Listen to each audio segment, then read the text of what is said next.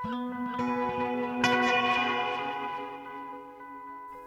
og sæl, við sjá heilsar þriðdægin 20. og 1. júni. Ég heiti Halla Harðardóttir og við sjá dagsins býður upp á Bitcoin og gull, feminíska aðferðarfræði í leikúsi og fuggla. Leikópurinn Spindrift er eitt af þeim listakollektífum sem að taka þátt í Friends listaháttíðinni í ár. Spindrift flytur tvö verkaháttíðinni, leikverkið Þeir sem sínt verður í Tjarnarbíó og leikverkið við dönsum undir öskufalli endalokana sem sínt verður í yðnó.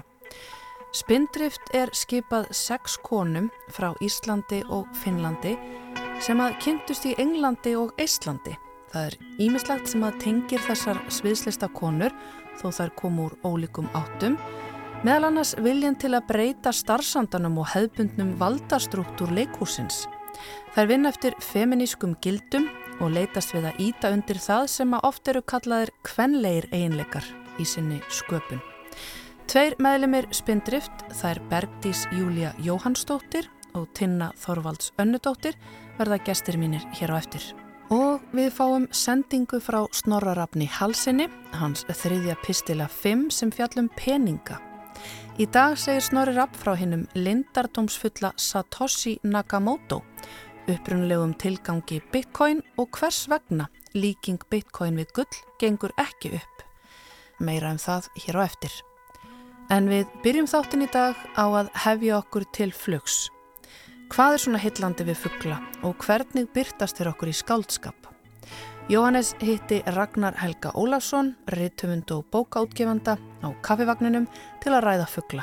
Þetta samtal fór fram í júni 2018 en er nokkuð tíma löst og kannski bara viðegandi í dag á lengsta degi ársins.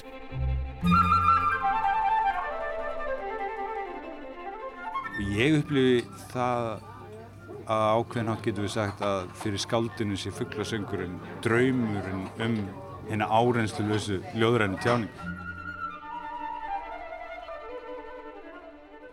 Svo veit maður náttúrulega ekki hvað fugglarnir eru að segja en, en kannski er þau bara að segja ég er hér, ég er hér, ég er hér. Gæti fugglasöngur verið hreinasta ljóðformið? Eru fugglarnir sjálfur fljúandi ljóð, holdi klætt? Í mínum huga er listin ótæmandi yfir skáldlega eiginleika fuggla. En er það einhver klísja að yrkja um fugglin ljóð eða lag? eða láta fugglin veita sér listrænan innblástur með einum eða öðrum hætti. Ég spurði Ragnar Helga Ólafsson, skáld og fuggla áhuga mann með meiru, þar sem við sátum undir glukka við Reykjavíkurhöfn. Það kannar vel, vel verið að tala um skáld, að ljóðlist og fuggla sé klísja, en, en það er þá bara klísja í, þeim skilningi að það sem er sagt er klísja, skilur, að það er Uh, þú hefur hert áður og þau er það satt en það er hvað við segja, fuggl fugg sem takk sko, fugglar eru tveir, tveir hlutur í einu þeir eru annars vegar fugglin lífrann og þeir eru takknið fuggl og fugglar almennt sem takk eru náttúrulega eru þetta fárónlega sterka takk fyrir það sem við erum ekki. Þeir eru svo frálsk og þeir geta flóið það undur að geta flóið sem það er náttúrulega ég minna, fyrir mér er það það er það er það sem okkur vandar Fugglar hafa eitthvað sem við höfum ekki. Og þess vegna eru þeir ráðgáta. Þeir fljúa af stað og skilja eftir sig spurningar. Og þeir tala og þeir syngja. Fugglasöngur eins og áður segir gæti hugsanlega verið hreinasta ljóðformið, það á eftir að rannsaka það. En marga dreymir um að skilja. Og það, minna, það er heldur ekki, ekki tilvílin að eins og bara fugglasöngur. Þetta tal fugglana er náttúrulega annan tal sem er bara mjög skýrt. Við séum það í lagsnestu, hann er með fuggla á heilanum, sko. Það er í öllu aftur og aftur í bókunum og ég meina alveg framöndur er síðasta í, í kristnihaldinu allt vaðandi fugglum, það eru fugglarnir í fugglabjarginu sko, sem eru gargandi og talandi það eru spörfuglarnir og mófuglarnir og það, þeir út um allt Einkennilegt að allir fugglar skul ekki fljúa eins. Loftið er þó samt og jamt á sama stað og sama tíma. Ég hef heyrt að vangir á flugvélum hlíti allir sömu formúlu þar sem fugglar hlíta hver sinni formúlu. Það hefur óneitanlega þurft meir en lítið ímyndunarafl til að útbúa svona marga fuggla sinn með hverju formúlu og ekki verið hort í tilkostnað. Ef tilvill hefur eh, samt aldrei fundist sá fuggl sem flýgur jafn laugrétt og flugvél, þó fljúa allir fugglar betur en flugvélar ef þeir eru flegir á annað borð. Allir fugglar eru kannski dálítið rángir af því það hefur ekki fundist fullgild formúla að flugi í eitt skipti fyrir öll. Ásinnhátt, eins og allar skálsugur eru vondar, af því aldrei hefur fundist rétt formúla að skálsugu.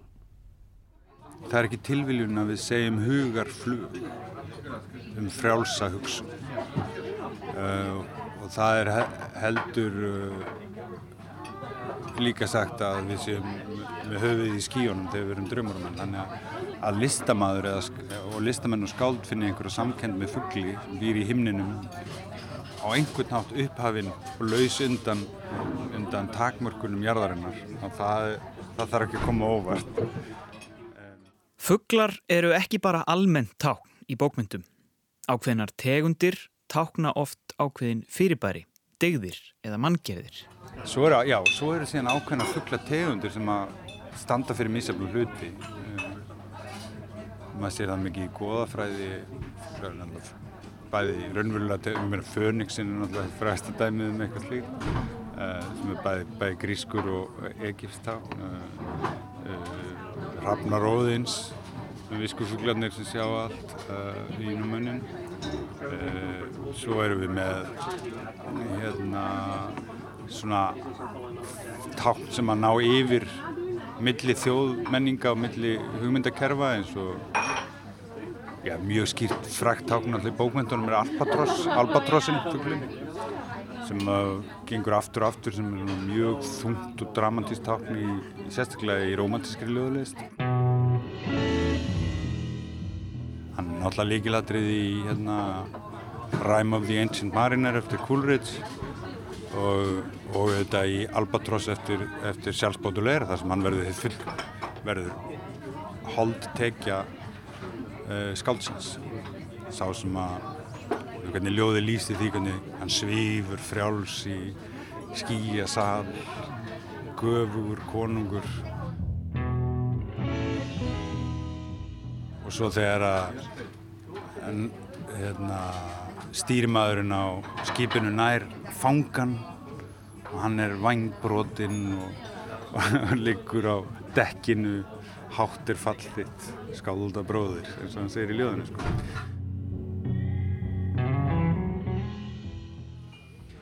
Svo eru aðri fugglar sem að standa eins og gæsinn til dæmis sem er svolítið sérstakur fuggla því leiti að hún, hún er jafnvel heima í lofti á láði og leiði og verður þá tákmynd fyrir þá sem að fyrir þá anda sem að geta ferðast millir mismunandi heima draumheima dagvitundar og svo framvegis Grágæsa móðir, ljáðu mér vangi, svo ég geti svifið söður yfir höf. Bliknuð hallas blóm í gröf, byrja ljósið skugga tröf, ein ég hlítað eiga töf eftir á köldum ströndum. Ein ég stend á auðum sumar ströndum. Langt í burt ég líða vil, ljá mér samfylg þína. Enga vangi á ég til, utan löngun mína, utan þrá og æsku löngun mína. Svo eru hérna auðvitað hérna heima meira svona, hvað við segja, héraðsbundnari eða landsbundnari tákmyndir eins og Lóan er náttúrulega fullkomnasta dæmið sem að hérna, vorbóðin ljúfi. Það, en, það er enþá þannig í fréttunum að það er, það er sagt frá því í fréttum á Íslandi þegar að fyrst, fyrst sést til Lóu á vorin. Og, og ég held að flestir íslendingar, jáfnvel þeir sem hafa, er ekki skaldnegðir á nokkun hátt, finnist það vera smá svona andartak í árinu þegar maður heyrir fyrst dyrindi í því í, í lófinni sko. og svona, já, vorið er kannski ekki bara hrein ímyndun. Og svo eru náttúrulega ótal aðri fuglar, mér að þrösturinn er annan ták sem að þröstur minn góður, það er stúlkan mín, segi Jónas. Þannig að það er, og það er annað, annar hluti sem að fuglarnir gera stundum, þeir eru sendibóðar eins og Jónas notar þröstinn í, í ég að heilsa að, að þrösturinn er að bera honum bera kveðju frá skáldinu til til elskunar hans. Uh, og að, að því leiti deilaður einhverju meginleikum með sko með uh, guðverum eins og Loka og Hermesi í grísku góðafræðinni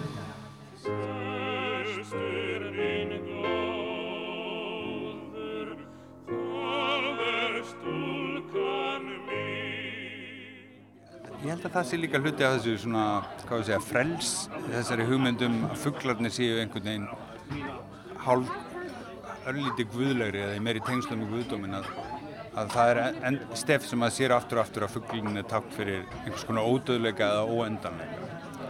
Uh, mjög skýrt dæmið þetta í, í óði til Nightingale-lands eftir, eftir John Keats uh, en víðar þá hann er stendur fyrir, það er eins og dauðin hrífi ekki alveg á, á, á, fugglinum og ég held að það, hvað segja, farfuglinn sé svolítið gott, svolítið stóra ástæði fyrir þessu mögulega. En maður reynir að skoða hvernig náttúran hefur áhrif á táknmyndina að þegar að, þegar að fugglinn byrtist einn daginn á vorin bara er allt í hennu komin og það lítur að það er næstu því eins og svona apparæsjón, sko, guðlega apparæsjón allt hennu bara eitthvað vera komin hérna.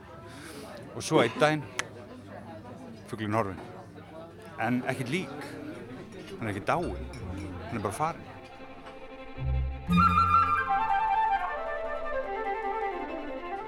Já, ég meina við getum tekið eiginlega hverja hvaða fugglategund sem er og greint hana niður og hugsað um hana hvað hann stendur fyrir í okkar huga og, og hvaða svona vísun þegar við segjum kría þá vita allir að það er eins gott að setja upp húfu eða halda fyrir hausinn sko. það er einhver aggressífur fugg hér á leðinu en krían alltaf stendur líka fyrir þrautsegi sko. og hún alltaf ég held að þetta hljómar ekkit voðalega svona spennandi eða frumlegt en ég verð nú eiginlega að segja að það er minn eftirlætisfugg já, ég þreytist aldrei á að horfa á krýr ég hef nú bara einu sinni á efni náð að háfa uh, fullorna kríu á flugi.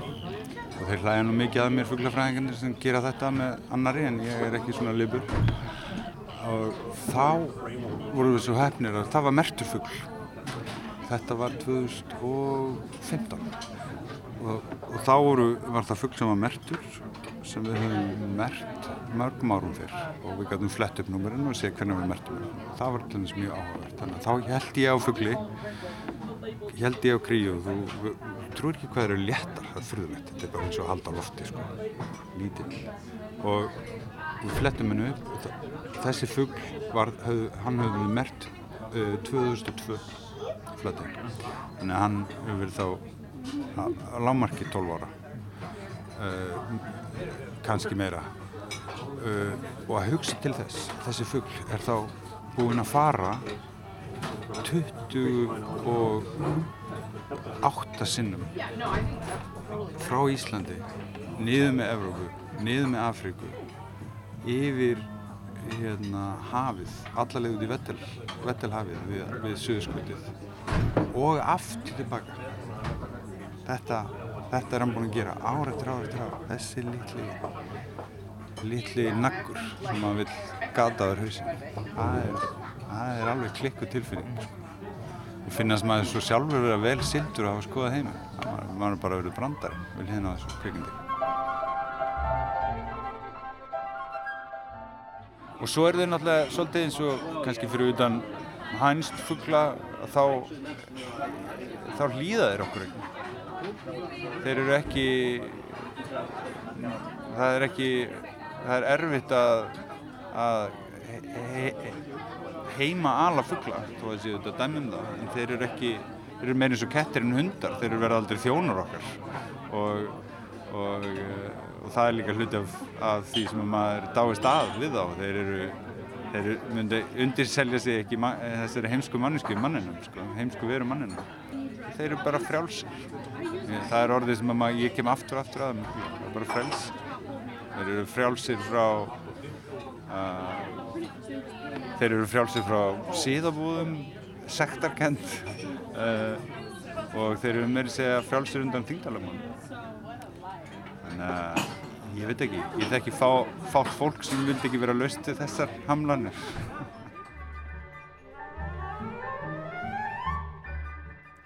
Já, fugglar hafa eitthvað sem við höfum ekki.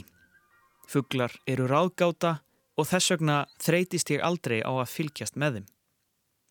Einu sinni starfaði ég á Gljúrasteini, húsi Skáldsins í Mósfellstalunum. Eitt daginn fór ég með lítinn hóp grunnskólanemenda um húsið og síndi þeim hitt og þetta. Og eins og í góðri bók eftir Haldur sjálfan bárust fugglar í tal. Ég sagði krökkunum frá öllum bókonum í vinnuherbergi skáldsins. Sagði að það væri nöðsynlegt fyrir ritthöfunda að lesa líka, ekki bara skrifa. Ég tók upp starðarinnar bók um íslenska fuggla og sagði til dæmis ef hann ætlaði að skrifa um fuggla í einhverju bókinni þá er gott að fræðast um þá fyrst. Lítil hönd fór á loft. Það var spurning úr hópnum. Af hverju fór hann ekki bara út í garð og fyldist með fugglónum? Svari við því lág svo sem í augum uppi. Haldur var jú mjög duglegur að fara út í göngutúra, fylgjast með náttúrun í kringum sig og punta hjá sér. En það var eitthvað dýbra fólkið í þessari spurningu eftir áhegja. Af hverju ættu bara riðtöfundar og listamenn að fylgjast með fugglum, punta hjá sér og mála myndir og segja frá í bókum?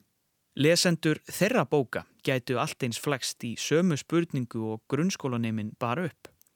Akkur fórstu ekki bara sjálfur út í garð og fyldist með fugglónum í staðin fyrir að lesum þá í skáldsögu. Það er á þessu augnabliki sem ég kemst ekki hjá því að verða pínulítið romantískur.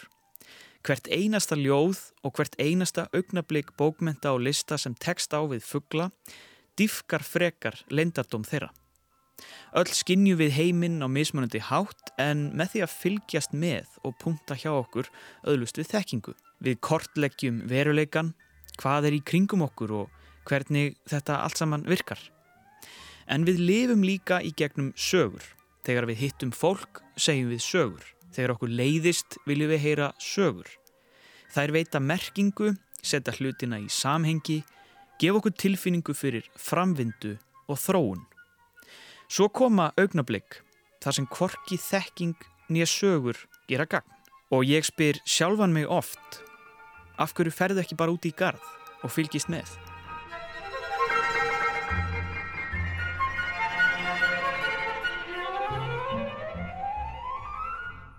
Af hverju förum við ekki bara út og fylgjumst með fugglunum, pælingar um fuggla frá Jóhannesi, félaga mínum hér í Vísjá, sem er veikur heima, kannski að hugsa um fuggla, hver veit.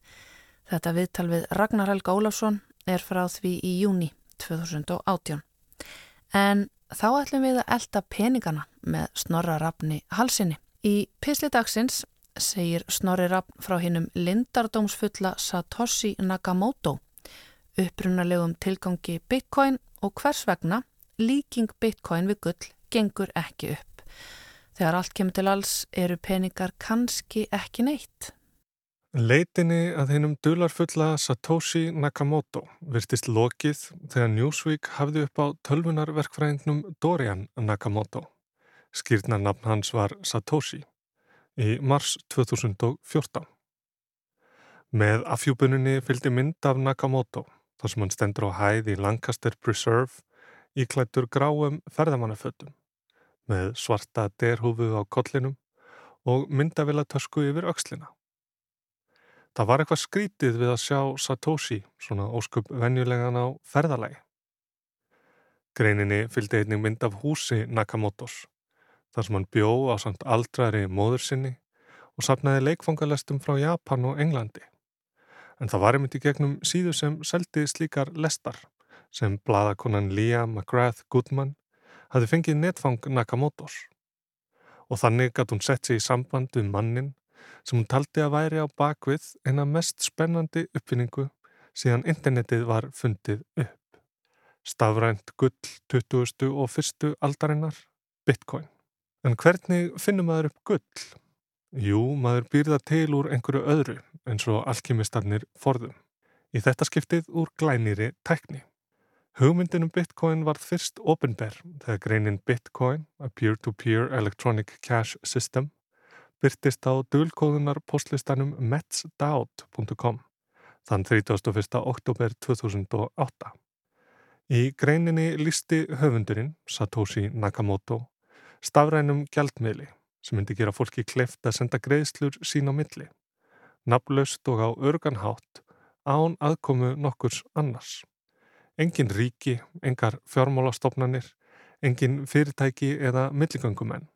Haldið er þið utanum færslutnar í opinni og aðgengilegri skrá, svo kallari bálkakeðju, sem er þið dreift á milli allra þeirra sem notuðu bitcoin. Engin miðlægur gagnagrunnur eða valdhafi kemur nokkuð staðar að máli.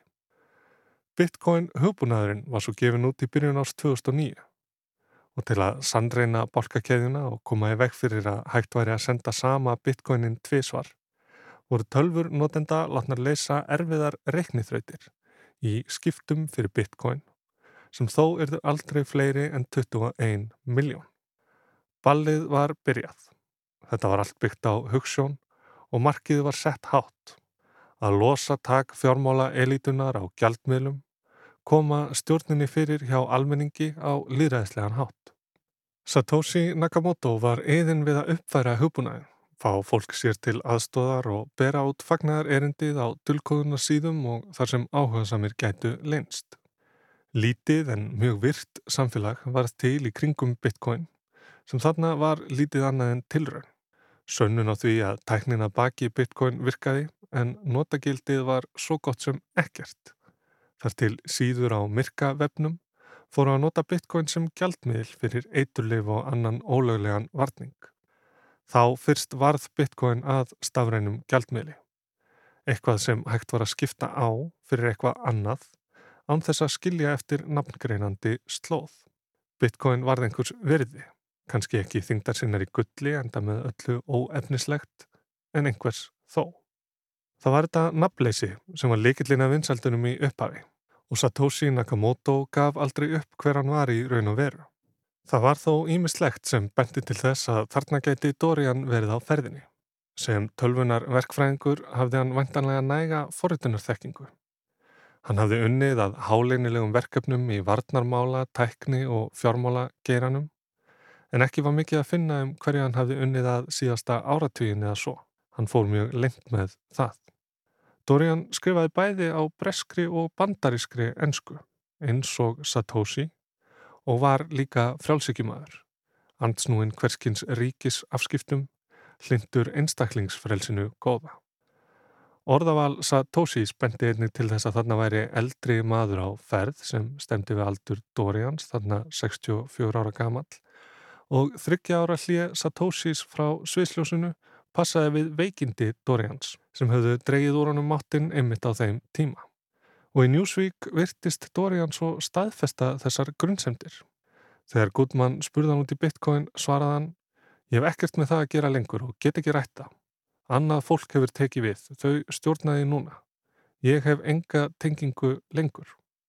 Aðrir bladamenn voru ekki lengi að hafa upp á húsi Sakamotos út frá myndinni í Newsweek og flyktust á staðin. Sátu fyrir grunnlausum manninum sem vildi helst ekkert með alla þessa aðtekli hafa. Dorian Sakamoto félst þó á að sittast niður með bladamanni Associated Press ef hann myndi kaupa handaðum sushi og yfir háttegismatnum frá heima högunum sóra hann af sér alla tengingu við bitcoin eða bitcom eins og hann sæði stundum virtist hafa litla þekkingu á fyrirbærinu yfir höfuð. Hinn raunverulegi Satoshi Nakamoto postaði svo nettið. Ég er ekki Dorian Sakamoto og daginn kom að Dorian hafði miskilið spurningu Gudmann. Helt að hann ætti við verkefni sem hann vann fyrir Citibank. Nú eru átta ára liðin frá þessu fári kringum Dorian Nakamoto og þykir nokkuð víst að hann er ekki hinn eini sanni Satoshi Nakamoto. Ímsir hafa gefið sig fram og aðrir hafa verið grunaðir. En raunin er svo að Satoshi Nakamoto er enn eitt stort spurningamerki spurningamerki með miljón bitcoin í veskinu sínu sem hann hjælt fyrir sig að verðmæti tvekja biljóna, 691 miljards, 81 miljónar og 31 þúsund króna. Hér um byl landsframlegsla Íslands og það eftir 70% rýrnun frá hæstu hæðum í fyrra. Aldrei hefur verið hreift við þessum verðmætum og úr því að það hefur ekki verið gert hinga til má ætla að það verði aldrei gert. Líklega myndi höfundur bitcoin ekki skemma fyrir öllum hinnum með því að dæla öllum þessum peningum inn í markaðin. Síðustu skilabóð Satoshis, ef frá er talið snakkaralegt svarans við grein Newsweek, voru svo árið 2011. Þar sem hann sagði að frekari vinnu væri þörf. Við munum aldrei fá það staðfest með óeikjandi hætti hver Satoshi Nakamoto er eða var. Hásætið er tómt.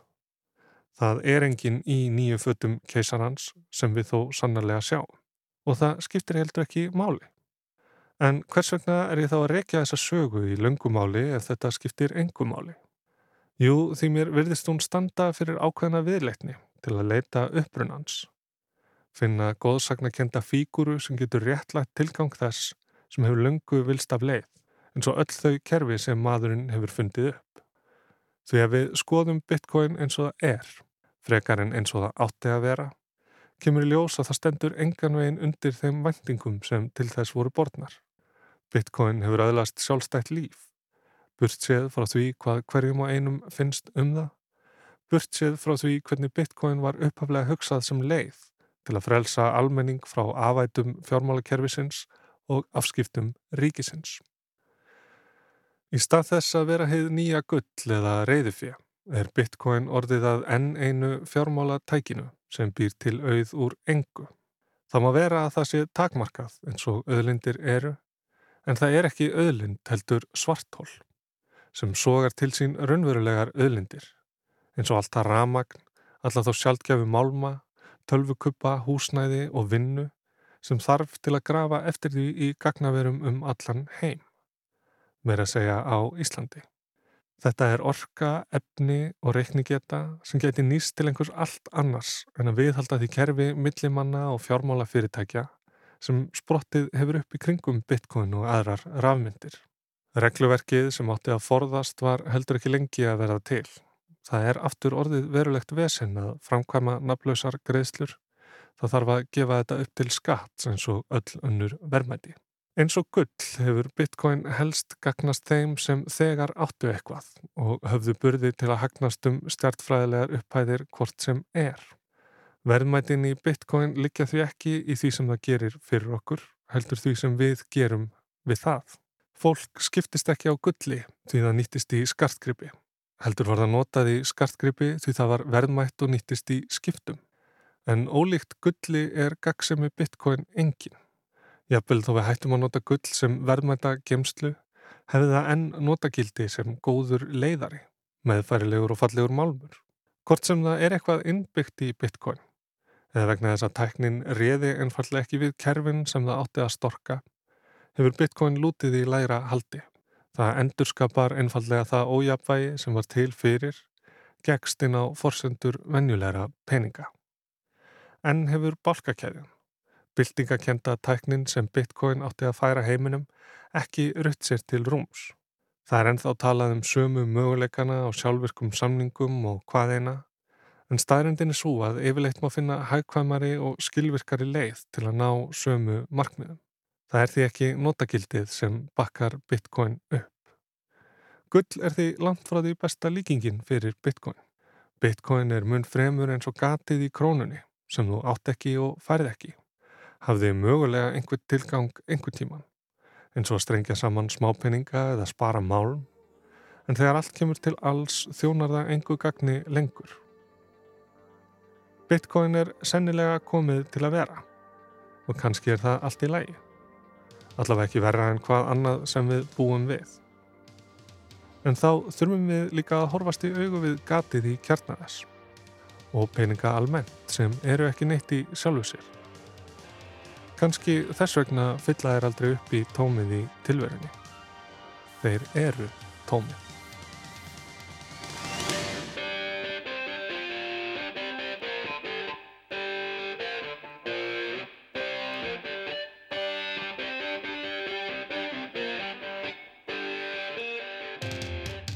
Peningar eru tómið, saði Snorri Raffn Halsson. Þetta var hans þriði pistilla 5 um peninga. Og lægið sem þið heyri hér undir, Money for Nothing með Dire Straits. Look at them yo-yos, that's the way you do it. You play the guitar on the MTV.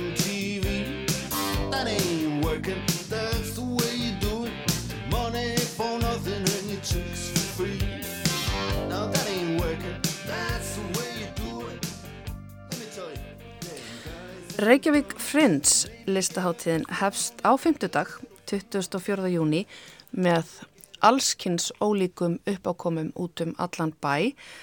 Á háttíðinni sem er nú haldin í fymtasinn eru öll listform velkomin og leikópurinn Spindrift er eitt af þeim listakollektífum sem að taka þátt í ár. Spindrift flytur tvö verkaháttíðinni, leikverkið Them sem er flutt í Tjarnarbíói annarkvöld og svo aftur annan júli og leikverkið við dönsum undir öskufalli endalokana sem er sínt 27. og 7. júni í Yðnú. Spindrift er skipað sex konum frá Íslandi og Finnlandi og ég er ansi forvitin að vita meira um þennan hóp og þessi verk sem það er alltaf að flytja og það eru komnar tvær þeirra hingað í Vísjá, Tinna Þorvalds Önnudóttir og Bergdís Júlia Jóhannsdóttir verði velkomnar. Takk fyrir. Takk helga. Hvernig hópur er Spindrift? Þetta er hérna Ísland, Finnland, leikhús. Ég sá að heima síðan eitthvað að þið kynntust margar hverjar í námi í Breitlandi. Er það það sem að tengir ykkur eða hvað? Já, til að byrja með. Já. Það er svona, þaðan kemur kjarnin í rauninni. Við, við vorum sem sagt fjórar sem að vorum að læra saman út í Breitlandi og vorum að læra í Rose Bruford College sem að Tinna var reyndar líka að læra í. Og það er einhvern veginn bara byrjuð við eh, bara mynda vinskap í rauninni, það byrjar bara alltaf held ég svolítið þaðan. Og við, við, við tengdumst bara og fundum kannski svolítið þennan kærleikan og norræna kærleika í hver annar við skildum hver aðra. Þegar við vorum eitthvað frústreraðar veist, í tímum að, að, að hérna okkur fannst kannski krakkanir ekki vera að, að vinna eins og duglir Íslandingar má maður segja það. Þannig, ég veit ekki, við vorum með svo rosa metna held ég. Myndast hérna- eitthvað svona norrann stemning í Englandi? Já, það gerði það í rauninni. Og hérna svo endaði það þannig sem að ég og, og Solveig og Anna og, og stelpa sem heitir, eða kon, ung kona heitir uh, Henrietta. Hún er frá Noregi, við förum allar í skiptinám, var búið upp á skiptinám sem allir fóru í og við, við máttum sækja um nokkra staði og við endum allar að vera valdar í að fara til Íslands og erum í, í leiklistaskólanum í Tallinn í þrjá, eða, næstu fjóra mánuði vetrarmánuði mjög þungir mánuðir, mikið frost og margir erfileikar uh, en ógæðislega gaman og gefandi. Og þar byrjuðum við einhvern veginn, við vorum búin að búa til svona æfingahópa því við vorum sjúklega mennafullar í snámi að sjálfsög byggum við til æfingahóp og hittumst alltaf alla laugadaga við kallum okkur snail trail minnum við, eitthvað svolítið og það vistuðu ekki alveg hver því hver meiningin var unnverulega með því Nei, við vissum það ekki. En hérna, en þar hittust við á laugatum og, og leiðum okkar alltaf sal í skólanum, maður var alltaf hægt að bóka sali og gegja og æfðum það sem við höfum verið að læra í vikunni og ef það er eitthvað annað sem við vildum verða betri í og svona, og svo buðum við alveg, þú veist, fleirum að vera með okkur en það var veginn alltaf bara við sem mættum. Aðalega, henni voru búin að vera fyllir í kvöldin áður eitthvað en í Íslandi þá ákveðum við svona formlega stopna hóp. Við fundum bara, hei, okkur langar að vinna saman, þetta er spennandi ef við ekki að stopna leikhóp? Og við vorum í byrjun hérna aðeins fleiri svo náttúrulega bara eins og gerist og gengur þú veist að þetta einhverju út og fara á önnu mið og það er bara þannig. En hérna að við einhvern veginn heldum þessum kjarna og vorum hana fjórar til að byrja með og svo hérna og þannig að við erum svo formlega stopnar þannig í Íslandi á gólfinu íbúinu sem við leiðum og kallum okkur fyrst aaa þetta var rosalega listrænt. Og þá sko við skrifum þú veist hljóð hérna hvað heitir þetta? Þetta Hljó, hljóðtáknir hljóðtáknir a theatre company En hvað var það svona sem að leita ykkur saman fyrir utan það að vera sérstaklega frá Norðurlundunum og, og mæta þarna mm. í Íslandi og vera þetta í sama skóla og sama námi svona hvað er það sem að tengir ykkur að öðru leitin að vera mjög metnaði fullar og vera ekki á djamminu þegar aðri nefndu var á djamminu hvað svona tengir ykkur, hver er svona ykkar að sín?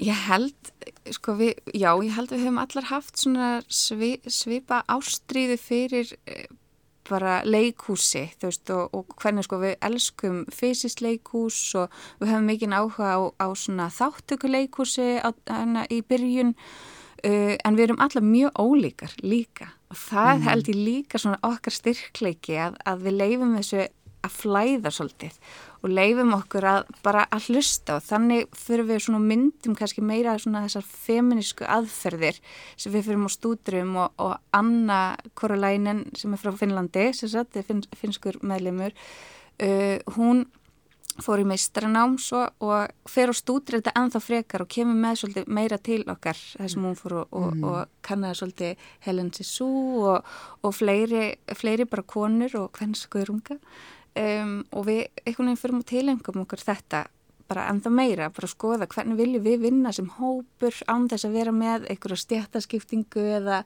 eða hierkíu eða þannig Já og ég verði að segja líka þegar ég byrjaði að vinna með ykkur mm -hmm. 2017 að þá tók ég strax eftir sko, veit, það er erfitt að setja fingurinn á þetta sko, en Já, það, er, það er með sko, þetta, þetta sem við kallum kvenlæga sko, það er ofta erfitt að setja orð á það, mm. Að hérna, það var eitthvað svona bara svona afslöpuð tilfinning, það var eitthvað neinn, egoinn virtust ekki vera fyrir mm -hmm. og allir eitthvað neinn raunverulega gott að koma með um, tillögur, mm og sópaði mér burtu og hérna og, og það var einhvern veginn ekki hlutunum var ekki tekið personulega það var bara svona mjög veist, það var alveg strángur vinnu ægi uh mhm. -huh.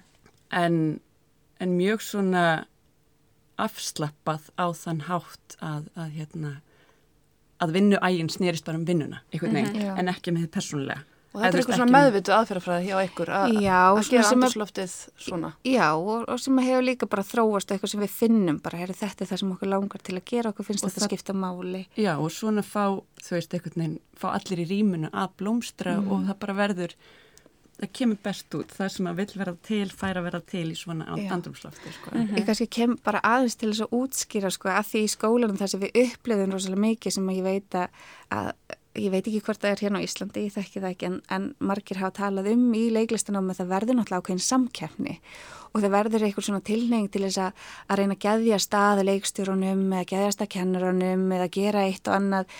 Og, og, og rosalega mikið af þeim leikusfræðingar sem við vorum á stúdra voru kallmenn og oft voru aðferðinu svolítið náttúrulega stílar inn á að vera kallmaður mm. og oftar en ekki langaði mig bara frekar að leika hlutverk kallmanna af því að, að mér fannst svo lítið búið fyrir mig og við upplefum þetta allar. Það var rosa lítið á leikverkum sem okkur fannst vera spennandi hvern hlutverk.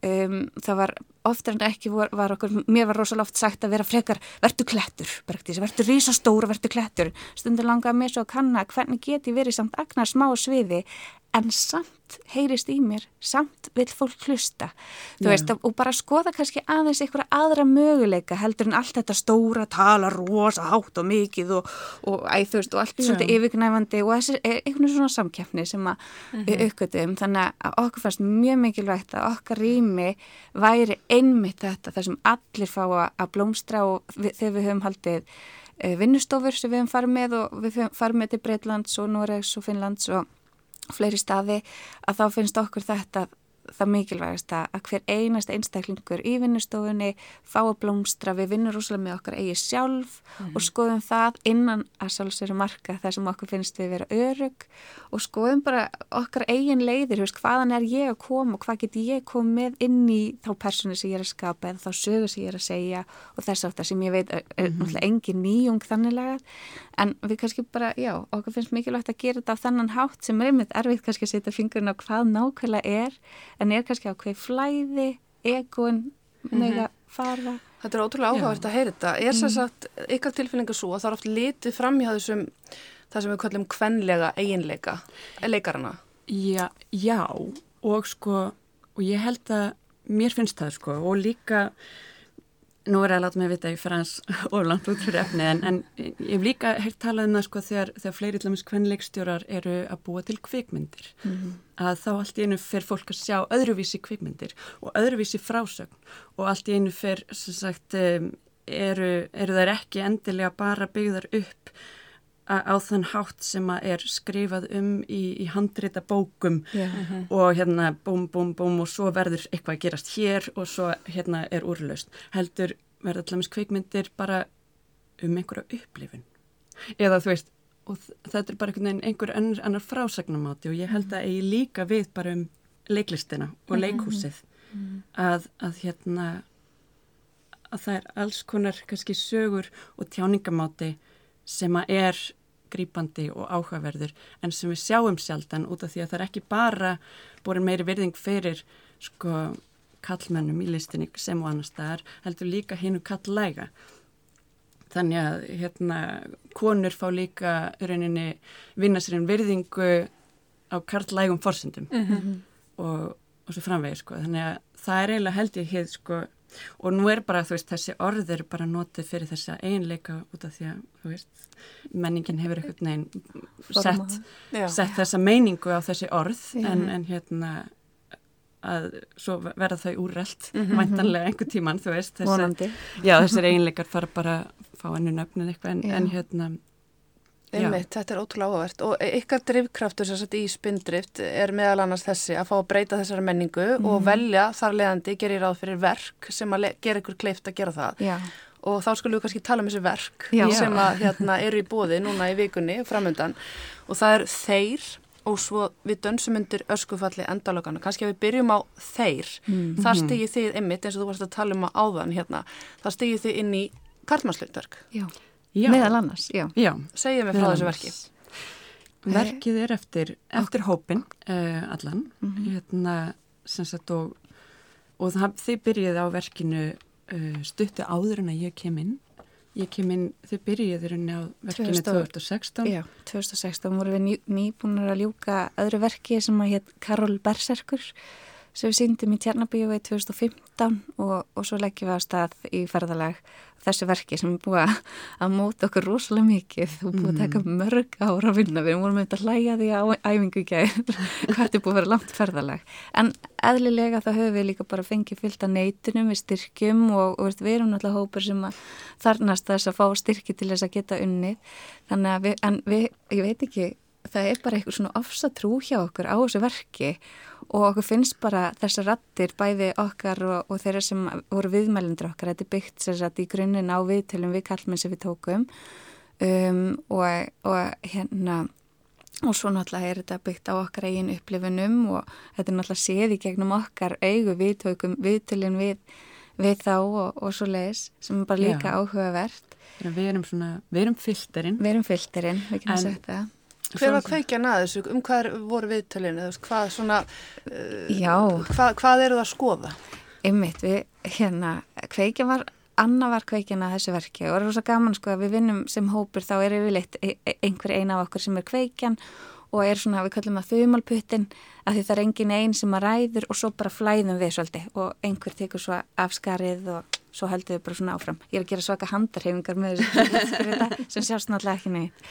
En hérna uh, kveikin var bara svolítið að Anna var orðin pínu þreytt bara á stöðu sinni í samfélaginu sem kona og, og langaði bara... Eftir mastersnamið bara veginn svona veginn eins og hún já, henni var veginn alltaf vitt niður. Já, alltaf vitt niður ekki hlusta. ekki af hverju Nei. bara svona af hverju Hún hún fekk, fengi ekki bara að vera hún já, hún fekk ekki að vera hún sjálf og hann var rosalega mikið ítt í ykkur ákveðin bóks sem að, og hann var sagt að vera eitthvað ákveð af einhverjum kallmennum, leik, leiksturum og öðrum sem að sem að voru bara svolítið svona þvingana í ykkur ákveðina átt. Og hún var bara þreytt á þessu, vildi skilja bara, veist, skilja alls konar, bara af hverju er stríð, af hverju er þetta, þetta var bara svona rosa mikið af stórum spurningum, en hún bara ok, ég finna ég líka með fordóma ég er með fordóma gagvar kallmennum ég kom með einhverju svona rosa, rosa fordóma. Með langar að að komast yfir það og ég held að ein leið sé einmitt að við gerum verkum þetta og við tökum viðtöl.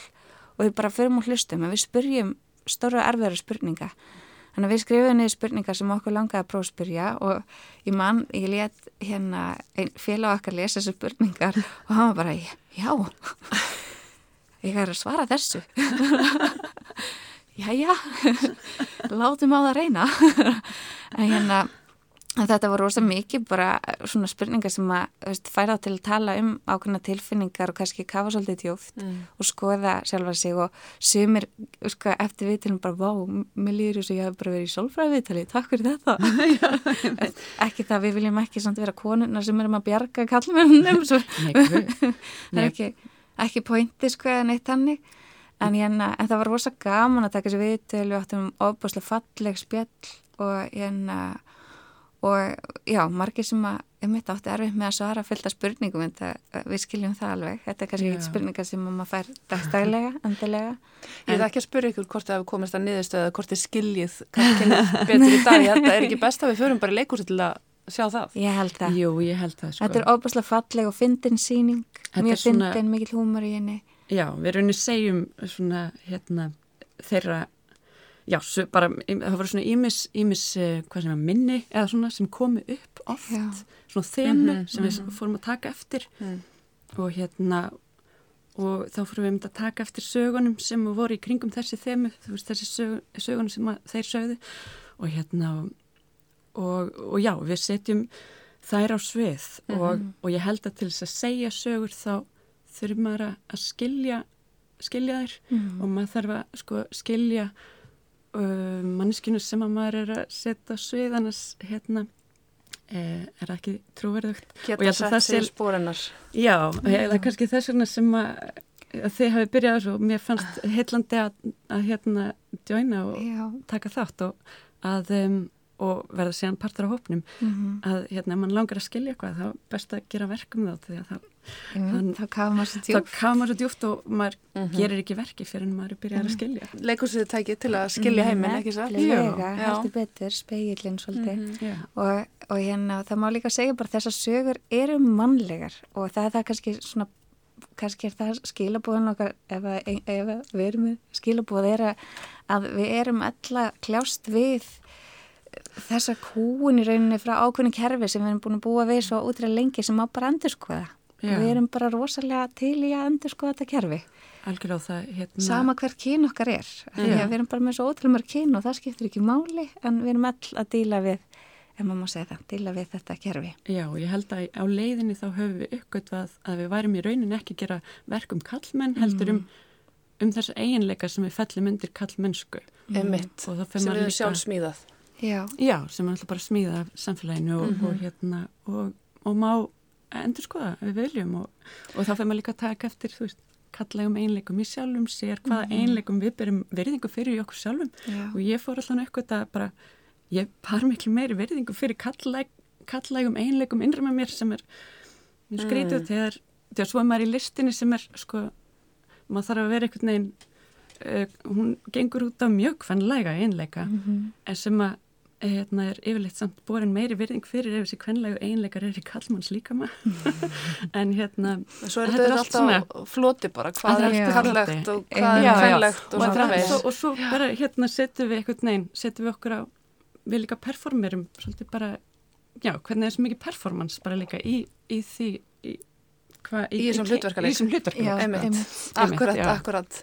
Þetta hljómar ótrúlega spennandi, við höfum smá stundi viðbót fyrir já. hérna hittverkið en hérna sem að við dönsum undir öskufalli endalokana, þar eru þið, já þetta er ungt par sem býr í heimi sem brennur vegna loftslagsbreytinga og mm. þau horfast í auðu við óvænt og óléttu. Mm. Þetta er annað verk sem að mér heyrist talað aldrei vel inn tíðarandan. Já, mm -hmm. gerir það heldur betur og þetta er eftir ástraldskáld sem heitir Melissa Kelly Franklin sem að við kynntumst bara eins og gerist og gengur þegar maður er að starfa svona viðsvegar í heiminum uh, og og hana langaði rosalega mikið að við myndum setja þetta á svið og, og okkur langaði það heldur betur. Þannig að þannig fá við e, þetta er svona, hvað getur maður sagt talar inn í, í það sem er að gerast í heiminum í dag líka bara þegar við erum að taka af konum e, sjálfstæði og, og þetta val að geta fengja velja, vilja eignast barnið ekki.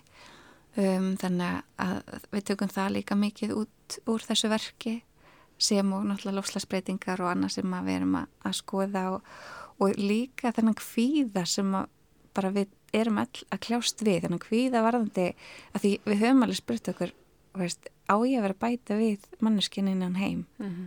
þegar heimurinn er bara svolítið að falla í kringum okkur, veist, þóru við því? Er, er, taka, er, er það ábyrginn sem við viljum bera? En svo langar manni kannski að eignast barn og og vera fóreldri, veist líka, þannig að þetta er rosalega stórar mikla spurningar, mikil tókstreita, en þetta verkar óbúslega fallegt og þetta er gert eh, á mjög svona hugljóðan hátt með mikla von í endan ef maður má segja, ef ég má segja frá. Já, ég ætla að setja punktin hérna. Já. Það var ótrúlega gaman að fá okkur í heimsók. Áhuga samir hlustendur geta bara farið inn á vefsíðu Frind, sækir satt, og fundið Jú. allt varðandi miðakaup og tímasetningar þar. Heldur betur. Takk fyrir komuna. Takk. Takk. Bergdís Júlia Jóhannsdóttir og Tinna Þorvalds Önnudóttir, samstarfskonur úr leikopnum Spindrift sem setur tvö verk á svið í vikunni í tengslum við Fringe listaháttíðina. Verkin Þeir og við dönsum undir öskufalli endalókana. Og það er komið að endalókum þáttarins í dag. Við sjá verður aftur hér á morgun á rás 1 klukkan 16.05 og ég spilar á streymisveitum þegar ykkur hendar. Takk fyrir samfélgina og verið sæl.